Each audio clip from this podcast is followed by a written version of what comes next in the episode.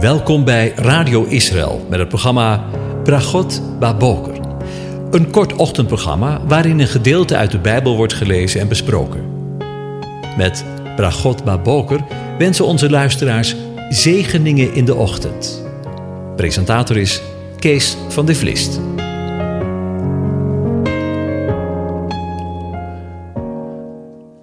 Goedemorgen, Bokatov, beste luisteraars.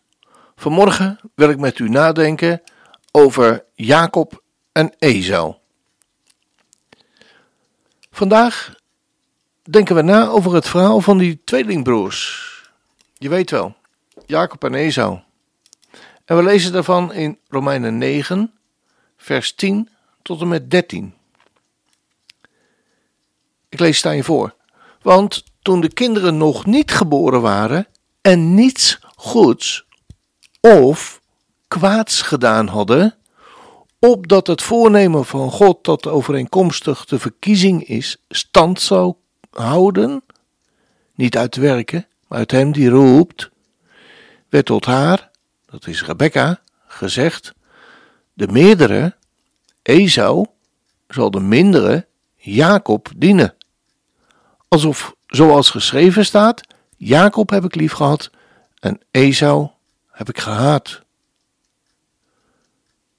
Tot zover. Dat is eigenlijk best wel opmerkelijk. Ze waren tweelingbroers, maar God zei dat hij van Jacob hield, terwijl die Esau haatte. Heb jij dat ook altijd al zo'n lastige tekst in de Bijbel gevonden? Zou God werkelijk, voordat Esau geboren was, hem Esau notabene zijn eigen schepping gehaat hebben, zoals sommige leerlingen ons proberen te vertellen, vooral in de leer van de uitverkiezing? Ik geef je het volgende ter overweging.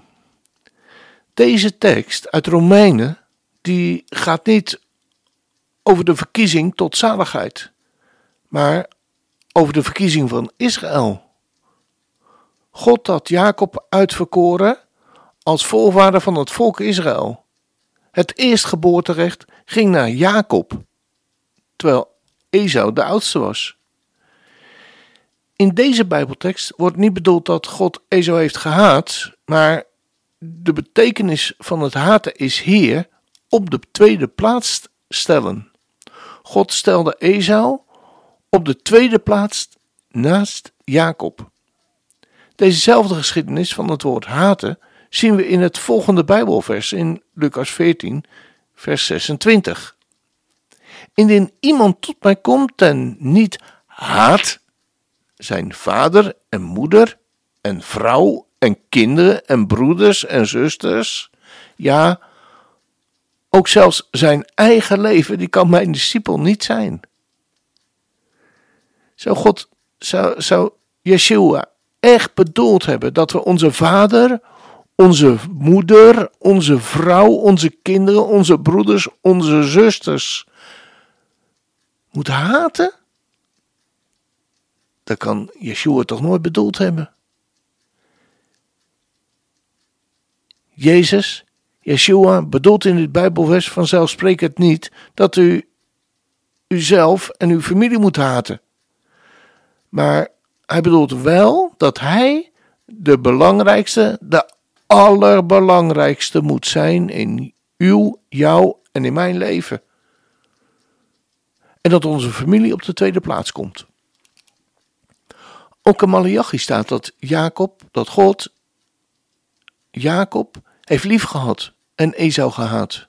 Malachi 1 vers 2b en 3a, daar lezen we, Nochtans heb ik Jacob lief gehad en Esau heb ik gehaat. Maar let er wel op dat God echter pas ruim 1400 jaar nadat Esau geleefd heeft en niet voordat Esau geboren werd, dit zei. Esau was onverschillig en hij vond aardse dingen veel leuker en belangrijker dan Gods zegen. Hij verachtte zijn eerstgeboortrecht en verkocht dit voor een pannetje linzensoep, notabene. Ook nam die heidense vrouwen die zijn ouders verdriet deden. De nakomelingen van Esau, de Edomieten, waren en zijn ook vandaag, anno 2021, nog grote vijanden van het volk van Israël. En zij willen en willen, wilden en willen, ook anno 2021, het volk Israël zelfs van de kaart hebben, zelfs vernietigen. In het boek Malachi kijkt God terug op al het kwaad dat Esau en zijn komelingen gedaan hadden. En hij is hier vertorrend over. Daarom zegt hij: Esau heb ik gehaat. Op de tweede plaats gesteld. Beide Bijbelteksten gaan echter niet over de eeuwige bestemming van Jacob en Esau. Er staat niet dat God Esau heeft verworpen van voor de grondlegging der wereld, zodat hij voorbestemd was om verloren te gaan. Wat zag God in Jacob dat hem aansprak? En wat zag, zag God in Esau dat hij afkeurde? Dus waarom hield God van Jacob, maar haatte of op de, de tweede plaats zette hij Esau? In de Bijbel staan hun karakters beschreven. Esau was een sterke kerel, energiek, mannelijk, een echte jager. Hij was de favoriet van zijn vader. En hoe zit het met Jacob? Hij was creatief. Dat kun je moeilijk ontzeggen. Doelgericht en een ongelofelijke opportunist. Hij kreeg het eerstgeboorterecht van Esau voor een kop soep. Als er ooit eens een koopje was, dan was het dat wel. Vervolgens bedroog hij zijn vader, hoe creatief ben je, om op die manier de zegen te kunnen vervangen. En later verdiende hij een fortuin ten koste van Laban, die niet alleen zijn oom was, maar ook nog eens een keer zijn schoonvader. In geen honderd jaar zou iemand Jacob beschrijven als een aardige vent. De meeste mensen zouden Esau verkiezen boven Jacob, behalve zijn moeder en God. Waarom gaf God de volken aan Jacob? Ik reik je een basisreden aan, die volgens mij de sleutel tot alles is. Jacob stelde prijs op wat God te geven had, terwijl Esau er onverschillig over was. In Hebreeën 12, vers 15 tot 17 lezen we hoe God over onverschilligheid denkt. Zijn mening hierover, hierover verschilt enorm met die van de meeste christenen. De schrijver van de Hebreeën, schrijft over Esaus gedrag. Daar in Hebreeën 12. Zie erop toe dat niemand achterop raakt in de, in de genade van God. En dat er geen enkele wortel van bitterheid opschiet en onrust veroorzaakt, zodat daardoor velen bedoezeld worden. Laat niemand een ontuchtpleger zijn of een onheilige zoals Esau, die voor één enkele maaltijd zijn geboorterecht verkocht. Want u weet dat hij ook daarna, toen hij de zegen wilde erven, verworpen werd. Want hij vond geen plaats van berouw, hoewel hij de zegen vurig en met tranen zocht. Tot zover. Esau wordt omschreven als een onverschillig. En staat in hetzelfde rijtje als hoereerders. In de versen die we zojuist gelezen hebben. Naar Gods normen is onverschilligheid ten opzichte van wat Hij, God, Adonai, wil geven, goddeloos. Vader haat het. Als je het beste wil van God, dan moet je je hart erop zetten. En om ook echt het beste te willen van God. En dan geen genoegen te nemen met minder. Wees niet onverschillig. Vader, wil u ons vergeven? Wil u mij vergeven? Als wij en als ik onverschillig zijn geweest en genegen heb, genoegen heb genomen met minder dan alles wat u te geven hebt. Wil u ons en mij leren om beloften altijd voor ogen te hebben en daaruit te leven. We doen vandaag ook een voorbeden voor uw volk Israël. Dat feitelijk de eerste rechthebbende is op de heerlijke belofte van uw woord. Zegen ook hen met het volle zicht op uw verbond houdende trouw. Aan het einde van deze uitzending wil ik uh, voorstellen dat we gaan luisteren naar de zegen, de blessing, gezongen door Kari Joop en Cody Carnes. De Heer zegene en hij behoede je. De Heer doet zijn aangezicht op je schijnen en is je genadig.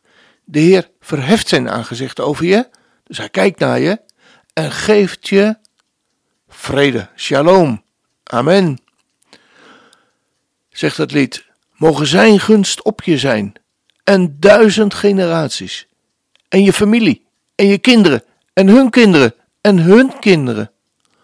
Mogen zijn aanwezigheid u voorgaan. En achter je. En naast je.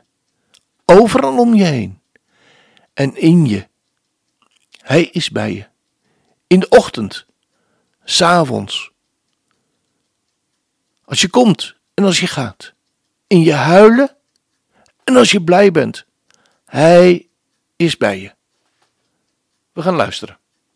We got together with Pastor Chris and Pastor Stephen on Thursday to just go in after the presence of God and try to pen lyric and melody and after a couple of hours it just felt like the presence of God just stopped everything and we wrote a song called The Blessing and it's straight from Scripture. And it's the heart of the Father over us as His kids. And we're going to sing it this morning if that's okay. And this is a blessing over you and your family and your children. So just receive this this morning. Just put your hands out in front of you. Turn your heart to a place of just receiving the blessing of heaven from God Himself over you this morning.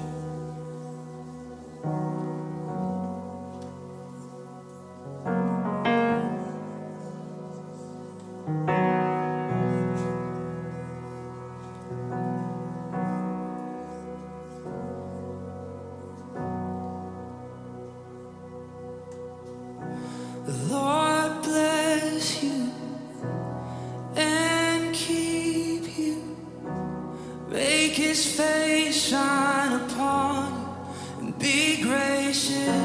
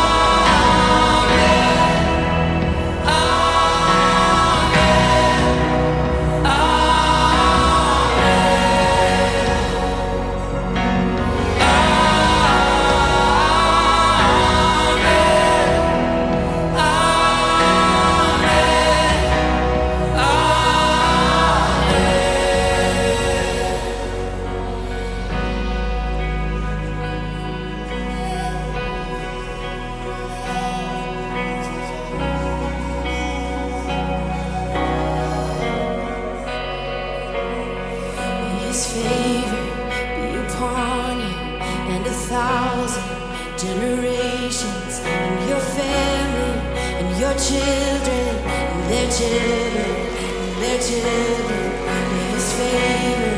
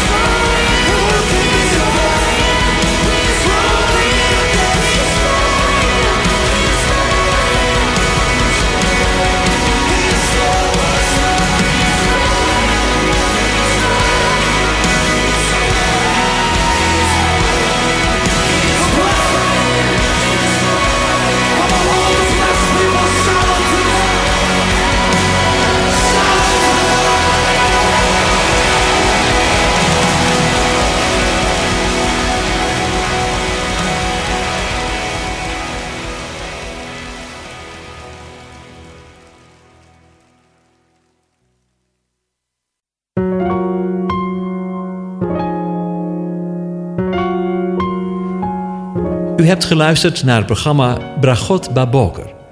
Een kort ochtendprogramma waarin een gedeelte uit de Bijbel wordt gelezen en besproken. Wilt u het programma nog eens naluisteren, dan kan dat. Ga naar radioisrael.nl en klik onder het kopje radio op Uitzending gemist.